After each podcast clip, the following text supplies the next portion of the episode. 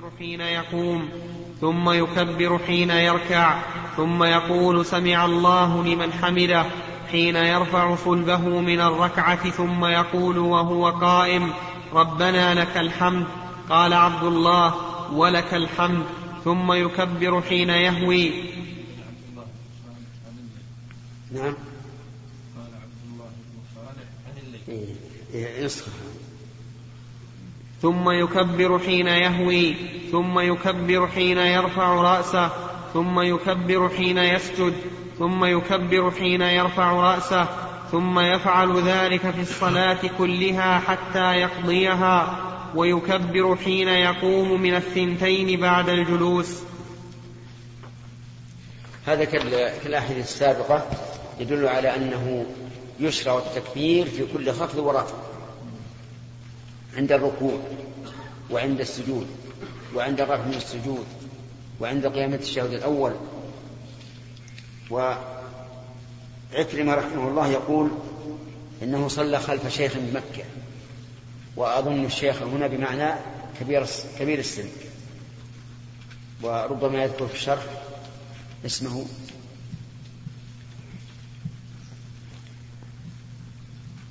يقول قوله باب التكبير إذا قام من السجود قوله صليت خلف شيخ.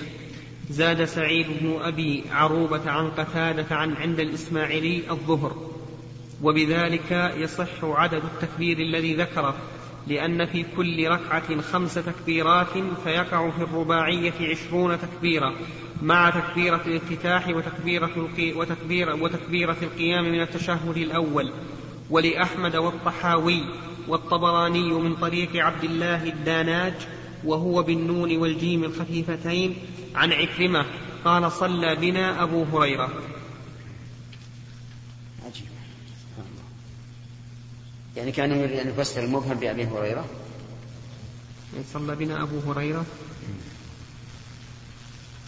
نقرأ يمكن يتبين شيء. طيب. وقوله وقال موسى هو ابن إسماعيل راوي الحديث عن همام وهو عنده متصل عن همام وأبان كلاهما عن قتادة وإنما أفردهما لكونه على شرطه في الأصول بخلاف أبان فإنه على شرطه في المتابعات. وأفادت رواية أبان وأفادت رواية أبان تصريح قتادة بالتحديث عن عكرمة وقد وقع مثله من رواية سعيد بن أبي عروبة المذكورة عند الإسماعيلي. قوله سن. سن نعم. قوله سنة بالرفع خبر خبر مبتدأ محذوف. تقديره تلك سنة. وثبت ذلك في رواية عبيد الله بن موسى عن همام عند الإسماعيلي. قوله أخبرني أبو بكر, أبو بكر بن عبد الرحمن. كذا قال عقيل أو عقيل. وتابعه ابن جريج عن ابن شهاب عند مسلم. وقال مالك عن ابن شهاب عن أبي سلمة بن عبد الرحمن كما تقدم قبل, قبل كما تقدم قبل بباب مختصرا. وكذا أخرجه مسلم والنسائي مطولا. من رواية يونس من, من رواية يونس عن ابن شهاب. من رواية يونس عن ابن شهاب. وتابعه معمر عن ابن شهاب عند السراج. وليس هذا الاختلاف قادحا. بل الحديث عند ابن شهاب عنهما معا. كما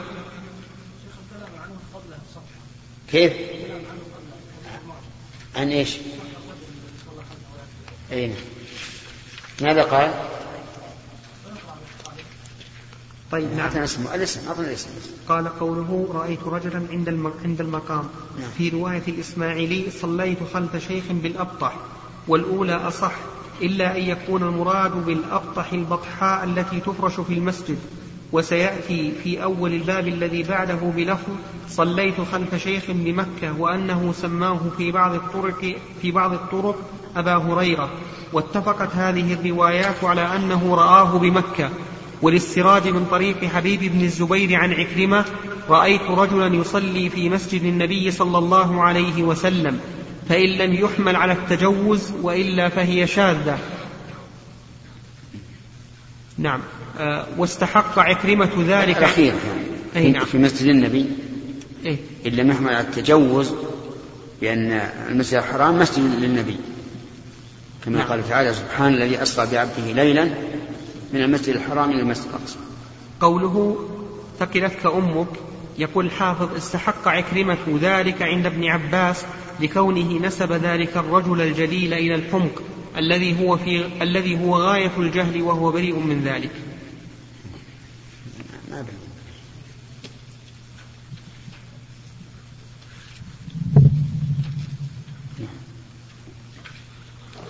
هذا الحافظ بن حجر حمل ثكلتك أمك على حقيقة الدعاء عليه لأنه وصف الرجل بأنه أحمق.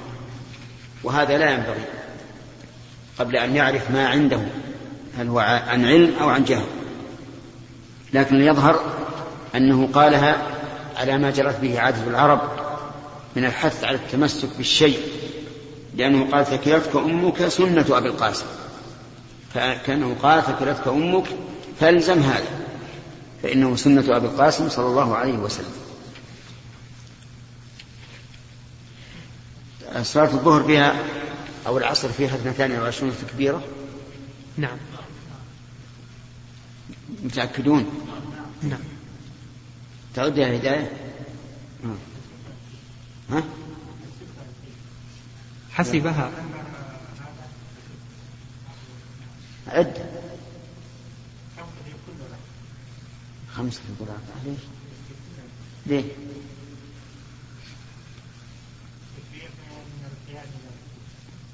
طيب. تكبيرة الركوع.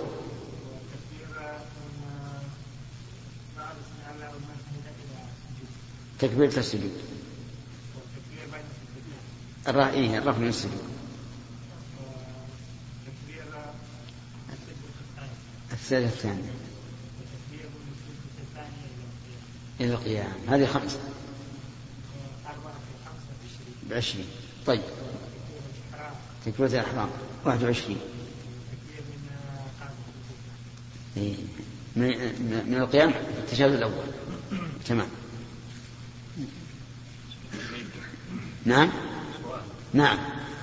بالنسبة لعكرمة هل هذا يدل على أنه لا يعرف أو يريد أن يعلم من عنده؟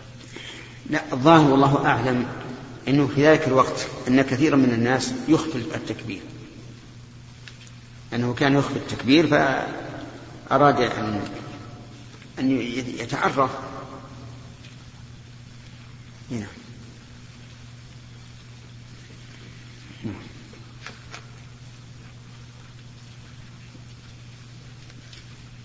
نمشي.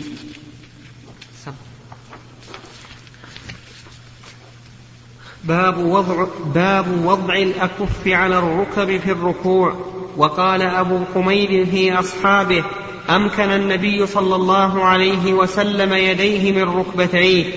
حدثنا أبو الوليد قال حدثنا شعبة عن أبي يعفور قال سمعت مصعب بن سعد يقول صليت إلى جنب أبي فطبقت بين كفي ثم وضعتهما بين فخذي فنهاني أبي وقال كنا نفعله فنهينا عنه وأمرنا أن نضع أيدينا على الركب. في هذا الحديث دليل على جواز النصر في الأحكام الشرعية. لأن السنة الثابتة فيما قبل أن الإنسان يطبق بين كفيه ثم يضعهما بين فخذيه. يقول هكذا. هكذا ثم يضعهما بين فخذيه. فنسخ هذا. يقول فنهينا عنه وأمرنا أن نضع أيدينا على الركب.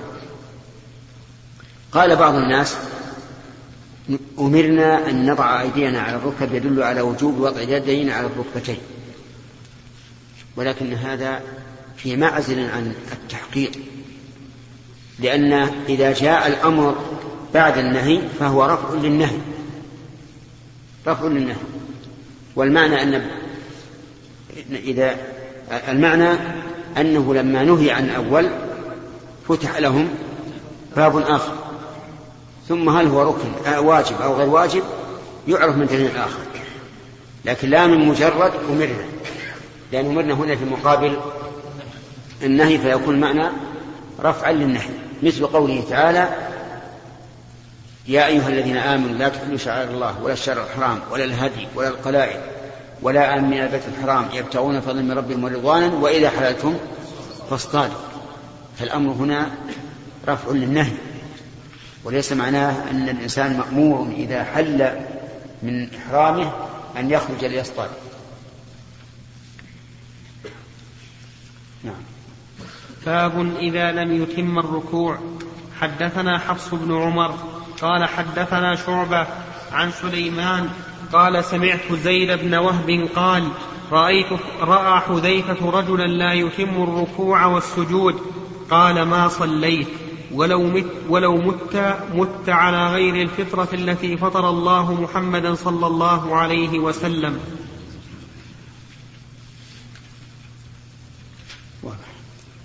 باب استواء الظهر في الركوع. وقال أبو حميد في أصحابه ركع النبي صلى الله عليه وسلم ثم هصر ظهره. باب حد إتمام الركوع والاعتدال فيه. وال... نعم. وش عندكم يا شيخ؟ والطمأنينة؟ لا ما عندنا هذا. الترجمة هذه من عندنا. أنا عندي باب حد إتمام الركوع والاعتدال فيه والإطأ إطأ إطأ من مين؟ والإطمأنينة. إيه هذا نسخة. باب حد إتمام الركوع والاعتدال فيه والإطمأنينة. يعني الطمأنينة. ها؟ إن إن الطمأنينة يعني نسخة. نعم.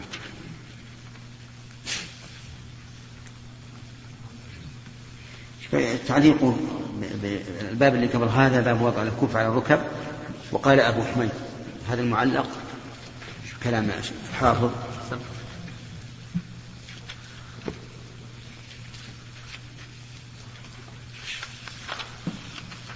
قوله وقال أبو حميد في أصحابه ركع النبي صلى الله عليه وسلم.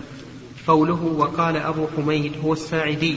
قوله هصر ظهره لا لا اللي قبله. باب الكف على الركب لأنه ذكرها قبل. نعم وقال أبو حميد في أصحابه. نعم. قوله وقال أبو حميد سيأتي موصولا مطولا في باب سنة الجلوس في التشهد. والغرض منه هنا بيان الصفة المذكورة في الركوع يقويه ما أشار إليه سعد من نسخ التطبيق. نعم صار بيأتي.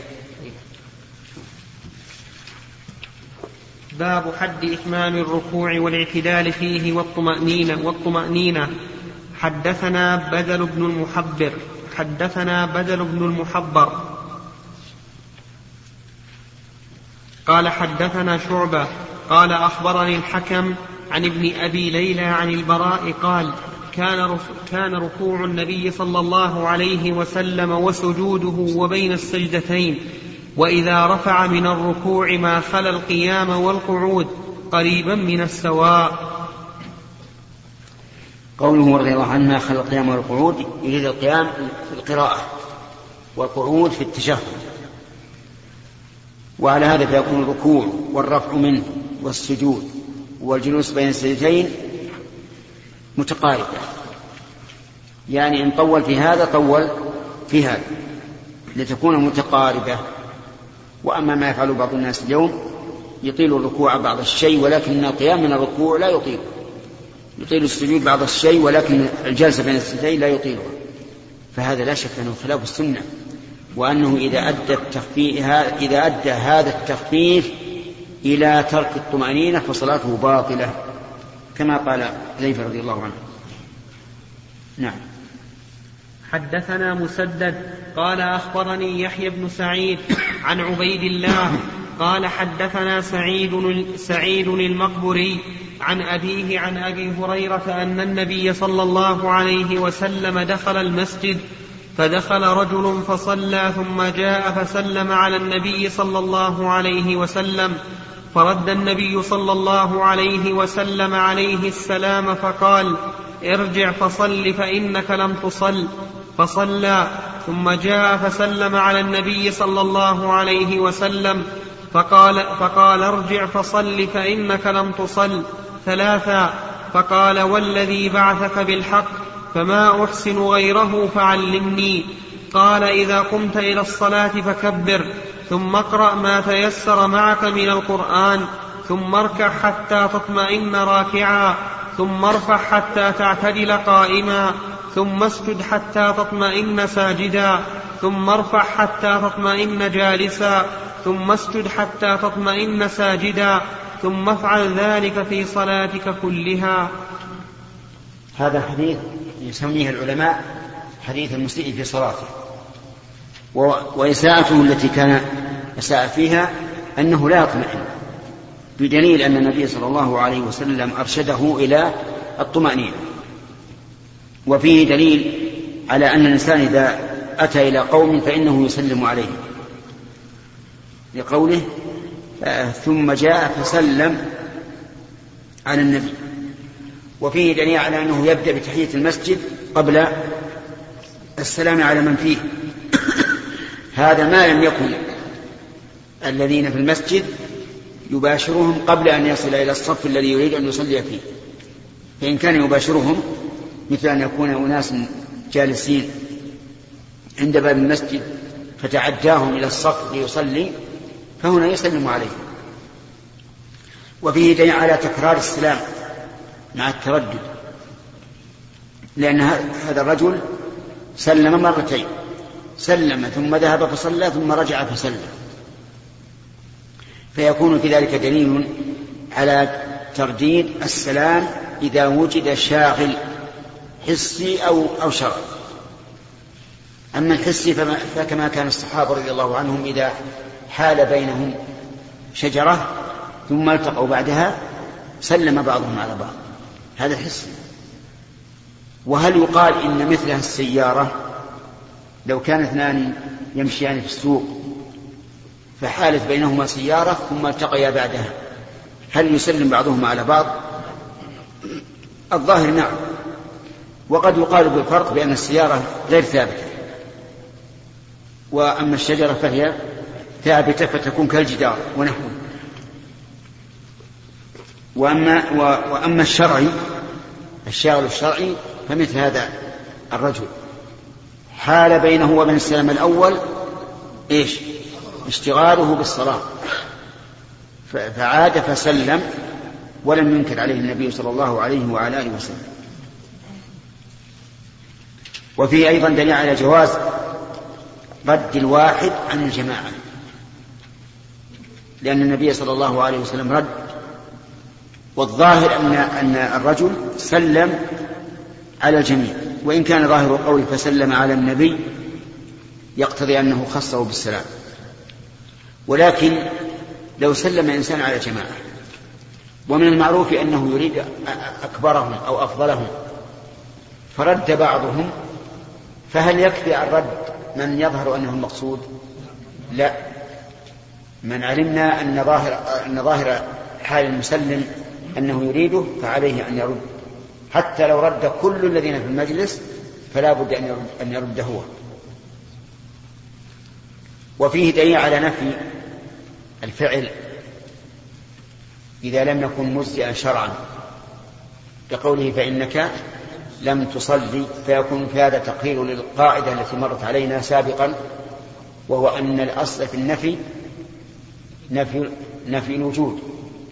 فإن تعذر فنفي الصحة لأن نفيه مع وجوده يعني معناه, أنه معدوم شرعا.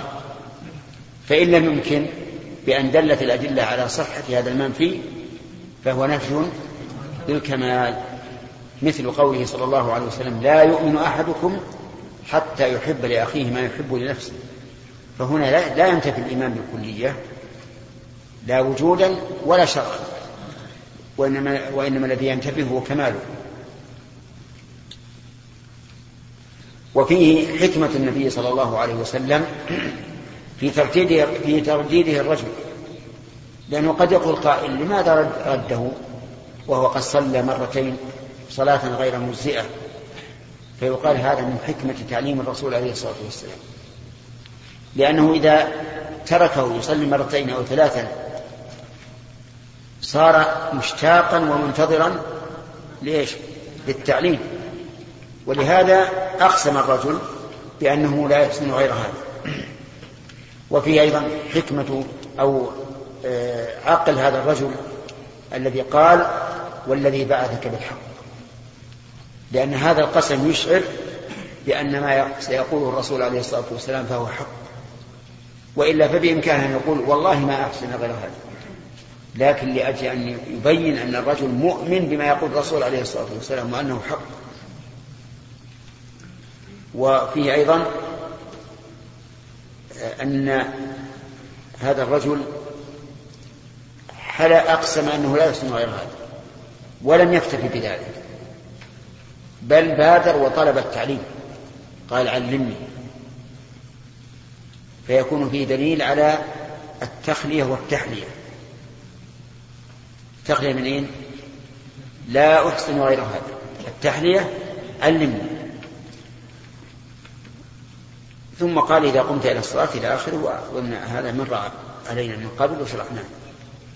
من قال يتكرر في الشخص في مكان واحد يجب الرجع المرة الأولى دون قضية السلام واستدلال النبي صلى الله عليه وسلم رد المرة الأولى. هنا لم تذكر ثم جاء فسلم ولم يقل رد عليه. فهل يكون هذا آه، يعني أن الرسول لم يسلم لم يرد عليه في الثانية أو أو أنه رد ولكن طواه الراوي اختصارا؟ ينظر في الشرح لعل في رواية أخرى. نعم. في أي قوله ثم جاء فسلم على النبي صلى الله عليه وسلم. إيش؟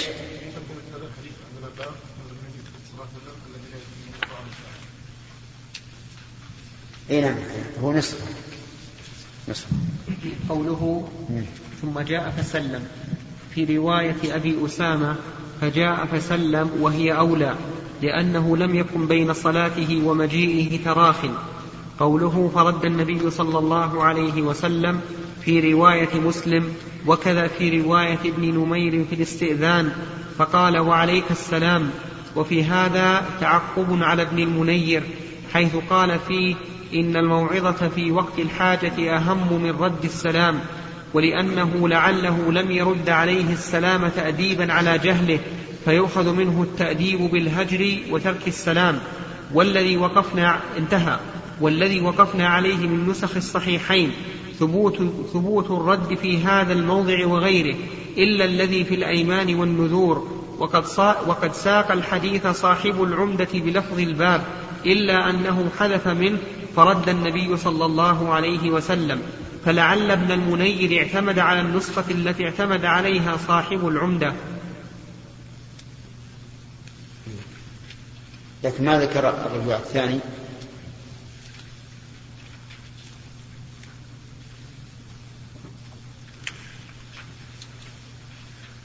نعم. السلام يا شيخ.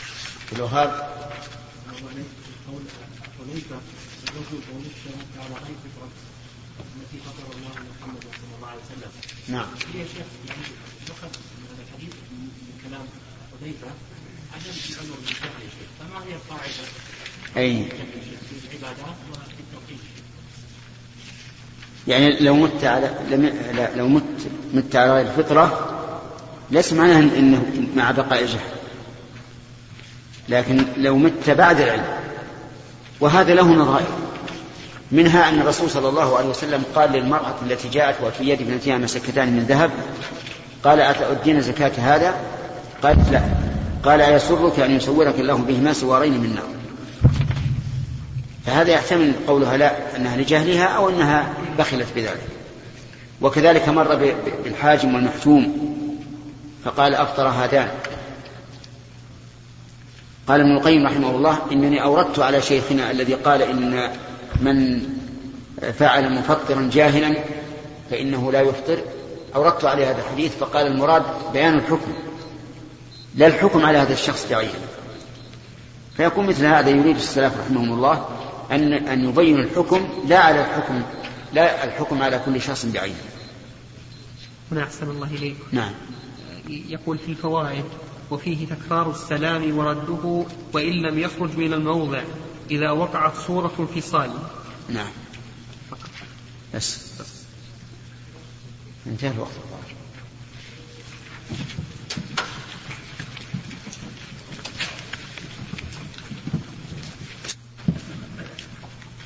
أظن شرحنا حديث المسيء في صلاته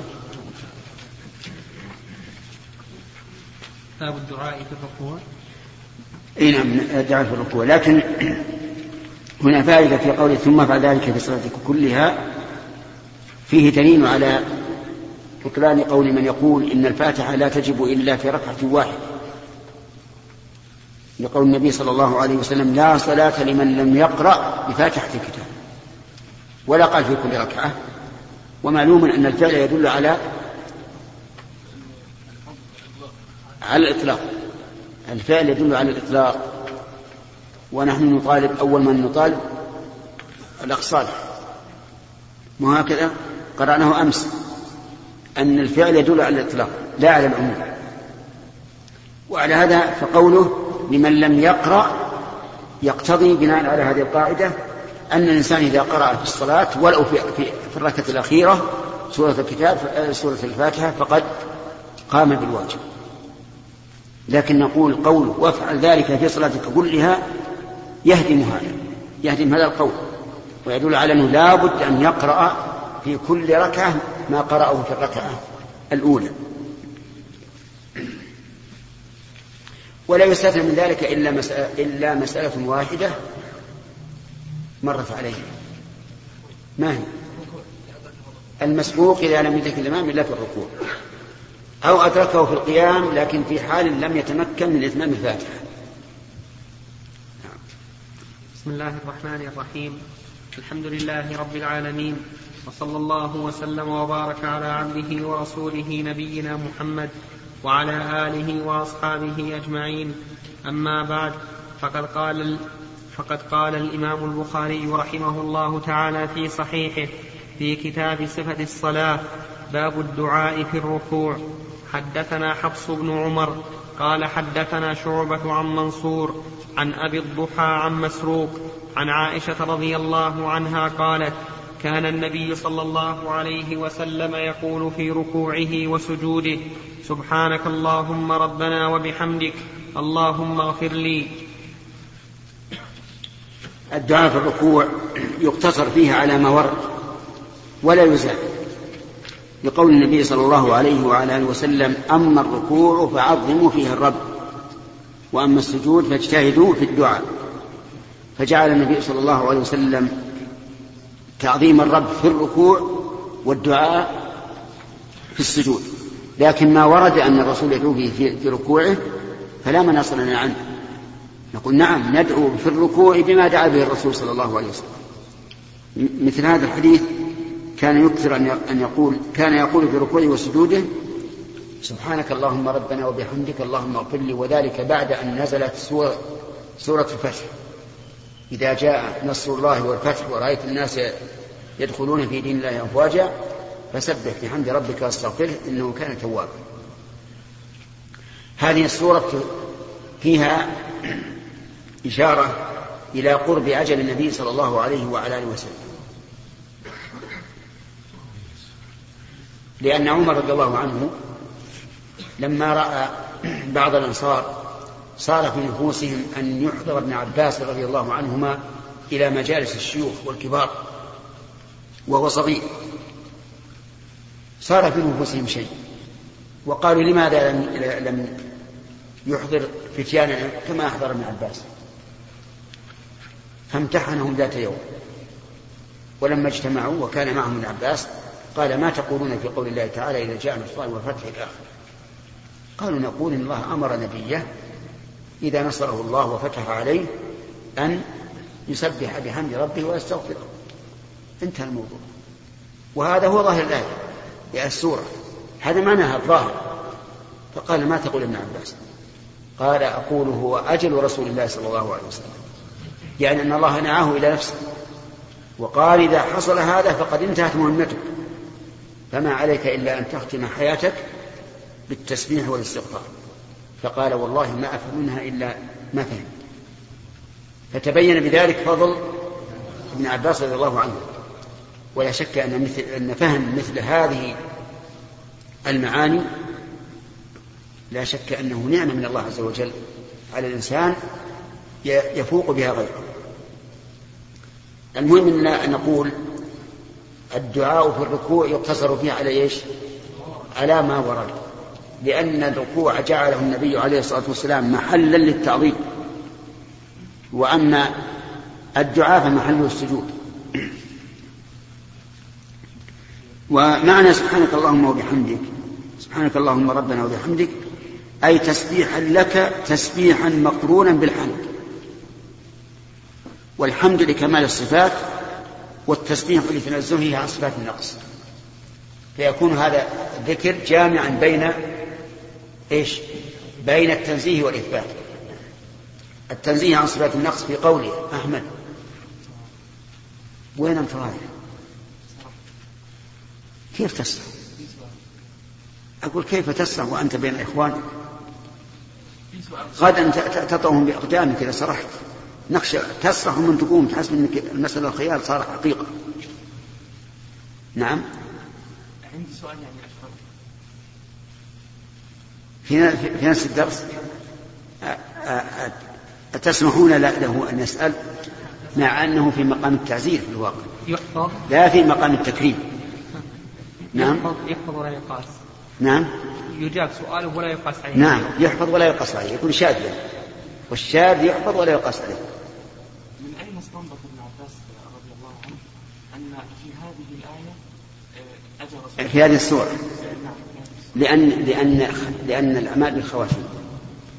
والإنسان إذا عمل عملا فهو مقصر فيه ولا بد. إلا من عصمه الله. ولهذا جعل أول ما يذكر الإنسان ربه فيه به بعد الصلاة أن يقول أستغفر الله. من استغفر الآن هضلت بعد الصلح؟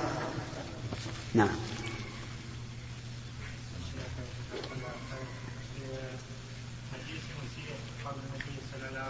اللهم صل وسلم. نعم.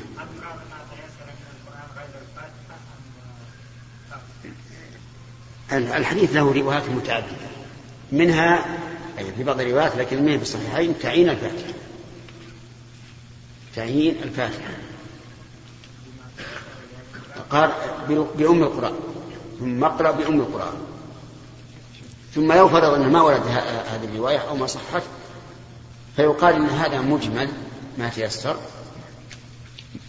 والمجمل مفصل بالأدلة الأخرى. وأنه لا بد من قراءة الفاتحة. طه. ألا يقال إن الأمر في الركوع بتعظيم الله عز وجل وهذا التعظيم يحصل حتى ولو كان بغير الصيغة بغير الصيغة الواردة نعم. بلى لكن لا في الدعاء. إيش؟ لا في الدعاء. يعني أنا مثلا آه، ألا يجوز أن نسبح الله آه، بغير ما في مانع ما في مانع لكن كوننا نسبح بما يطابق اللفظ الذي ورد أحسن. طيب هل تجزئ هذه الأذكار عن قولنا سبحانه وتعالى؟ لا ما تجزئ ما تجزئ. لابد لا بد أن نقول أن نقول نعم. ثلاثة. باب ما يقول الإمام ومن خلفه إذا رفع رأسه من الركوع. حدثنا آدم قال حدثنا ابن أبي ذئب عن سعيد المقبري عن أبي هريرة قال كان النبي صلى الله عليه وسلم إذا قال سمع الله لمن حمده قال اللهم ربنا ولك الحمد. وكان النبي صلى الله عليه وسلم إذا ركع وإذا رفع رأسه يكبر وإذا قام من السجدتين قال الله أكبر. هذا الحديث يقول إذا قال كان الرسول صلى الله عليه وسلم إذا سمع إذا قال سمع الله لمن حمده قال اللهم ربنا ولك الحمد. فجمع بين اللهم والواو. وهذا الدعاء أو هذا الثناء ورد على أربعة أوجه. هذا وجه. والثاني ربنا ولك الحمد بحذف اللهم. والثالث اللهم ربنا لك الحمد بحذف الواو. والرابع ربنا لك الحمد. بحذف اللهم والواو وكل سنة. افعل هذا مرة وهذا مرة. وقوله كان إذا ركع وإذا رفع رأسه الظاهر مراده وإذا رفع رأسه يعني من السجود. لأنه ذكر أنه إذا رفع من الركوع قال سمع الله لمن حمده. ولكن من أين يؤخذ ما يقوله من خلفه؟ لأن هذا هو الإمام فمن أين يؤخذ أن هذا يقوله من خلف الإمام؟ لعل البخاري أشار إلى قوله صلى الله عليه وسلم صلوا كما رأيتموني أصلي. لكن هذا العموم يستثنى منه المأموم في حال الركوع في حال الرفع من الركوع. فإن النبي صلى الله عليه وعلى آله وسلم خصص وقال إذا قال سمع الله لمن حمده فقولوا ربنا ولك الحمد. وعلى هذا فلا يجمع المأموم بين سمع الله لمن حمده وربنا ولك الحمد. نعم. باب فضل باب فضل اللهم ربنا ولك الحمد. حد نعم. حدثنا عبد الله بن يوسف قال أخبرنا مالك عن سمي عن أبي صالح عن أبي هريرة رضي الله عنه أن رسول الله صلى الله عليه وسلم قال إذا قال الإمام سمع الله لمن حمده فقولوا اللهم ربنا لك الحمد فإنه من وافق قوله قول الملائكة غفر له ما تقدم من ذنبه. الحمد لله. هذا أيضا مثل ما سبق في آمين أن من وافق تأمينه تأمين الملائكة غفر له ما تقدم من ذنبه. هذا أيضا من وافق تحميده تحميد الملائكة غفر له ما تقدم من ذنبه. نعم.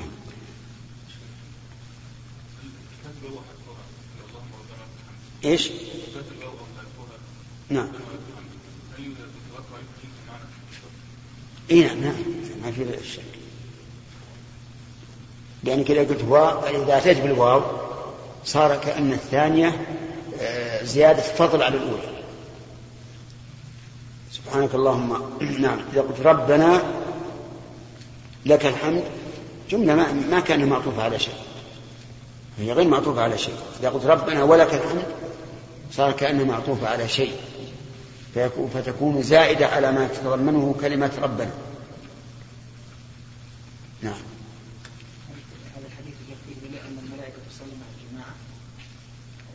لكنها في السماء. في السماء كما في الحديث الأول. نعم.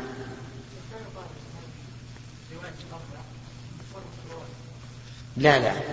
الأصل عدم ذلك. ولا غرابة أنت أن تأتي بصفات متعددة كما جاء التشهد وكما جاء أيضا الاستفتاح. يعني هذا ليس غريبا في السنة وتعرف أن الرسول بقي آه، يصلي في مكة. بعد المعراج سنة ونصفا وفي المدينة ثلاثة عشرة سنة. كل يوم يصلي كم؟ خمس صلوات مفروضة. ويقول في كل صلاة ربنا ولك الحمد عدة مرات. فلا غرابة أن أن تتنوع آه، الأساليب. نعم؟ عشر عشر. عشر سنوات نعم. أنا وهمت. سبقة اللسان نعم. حدثنا معاذ بن فضالة قال حدثنا هشام عن يحيى عن أبي سلمة عن أبي هريرة قال لا قال لأقربن قال لأقربن صلاة النبي صلى الله عليه وسلم فكان أبو هريرة رضي الله عنه يقنت في الركعة الأخرى من صلاة الظهر وصلاة العشاء وصلاة الصبح بعدما يقول سمع الله لمن حمده فيدعو للمؤمنين ويلعن الكفار. حدثنا أنس حدثنا عبد الله بن أبي الأسود قال حدثنا إسماعيل عن خالد الحذاء عن أبي قلابة عن أنس رضي الله عنه قال كان القنوت في المغرب والفجر. نعم. حدثنا عبد الله بن مسلمة عن مالك عن نعيم بن عبد الله المجمر عن علي بن يحيى بن خلاد الزرقي عن أبيه عن رفاعة بن رافع الزرقي قال كنا يوما نصلي وراء النبي صلى الله عليه وسلم فلما رفع رأسه من الركعة قال سمع الله لمن حمده قال رجل وراءه ربنا ولك الحمد حمدا حمدا طيبا مباركا فيه. حمدا كثيرا. ما عندي. لا عندي. إضافة؟ أظنها سوق ها؟ كيف؟ لا عندنا وراءه.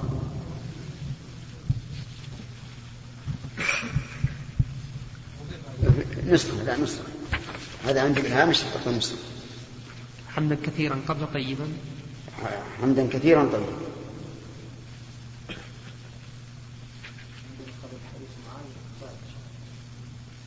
نعم.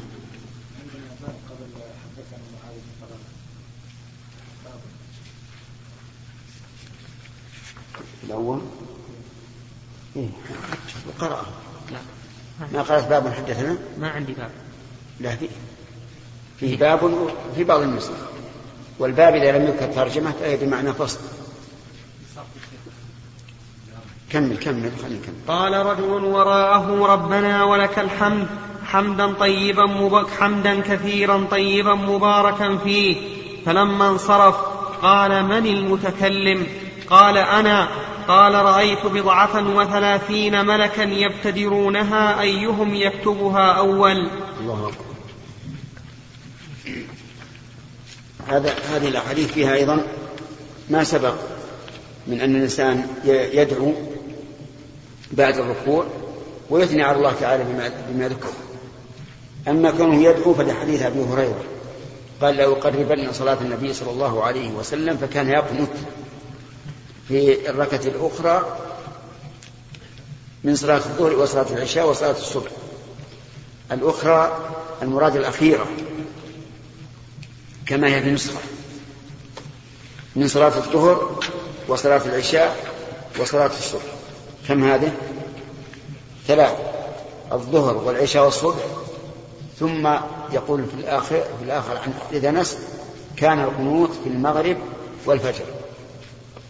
وبذلك كملت الصلوات الخمس. كيف؟ نعم أربع. الأولى الظهر والعشاء والمغرب والصبح.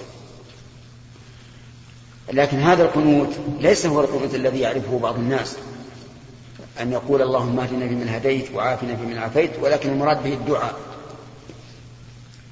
مثل اللهم اغفر للمؤمنين ولعن الكافرين يعني كلمتين كلمتين ليس بالدعاء الطويل. أو يحمل على ما إذا كان هناك نازلة. تنزل بالمسلمين كما قالت النبي صلى الله عليه وسلم لذلك. وأما الحديث الأخير ففيه أن أن من جهر من المأمومين ببعض الذكر لا ينكر عليه لأن النبي صلى الله عليه وسلم لم ينكر على هذا الرجل. وقد يقال إنه, إنه سكت عن هذا الرجل لأن المقام مقام تعليم. ويكون قوله في الأحاديث الأخرى لما خرج على أصحابه وهم يقرؤون ويجهرون قال لا يجهر بعضكم على بعض أو لا يؤذين بعضكم بعضا في القراءة فينزل كل واحد من هذا على حال من الأحوال. وفي قوله ربنا ولك الحمد إثبات الواو وحذف إيش؟ اللهم. وفي أيضا أن الحمد المبارك فيه يعني كثير الثواب. وفي أيضا أن الملائكة يبتدرون كتابة الحسنات كما جاء في هذا الحديث أنه رأى بضعا وثلاثين ملكا والبضع يكون من الثلاثة إلى تسعة كلهم ابتدرها يكتبها. الأول. وهل يدل هذا على أنهم جميعهم يكتبونها أو أن من كتبها أولا اكتفي به؟ نعم. يحتمل. الله أعلم. الله أعلم. هل المسابقة لكتابتها دون الآخرين أو المسابقة للسبق إلى كتابتها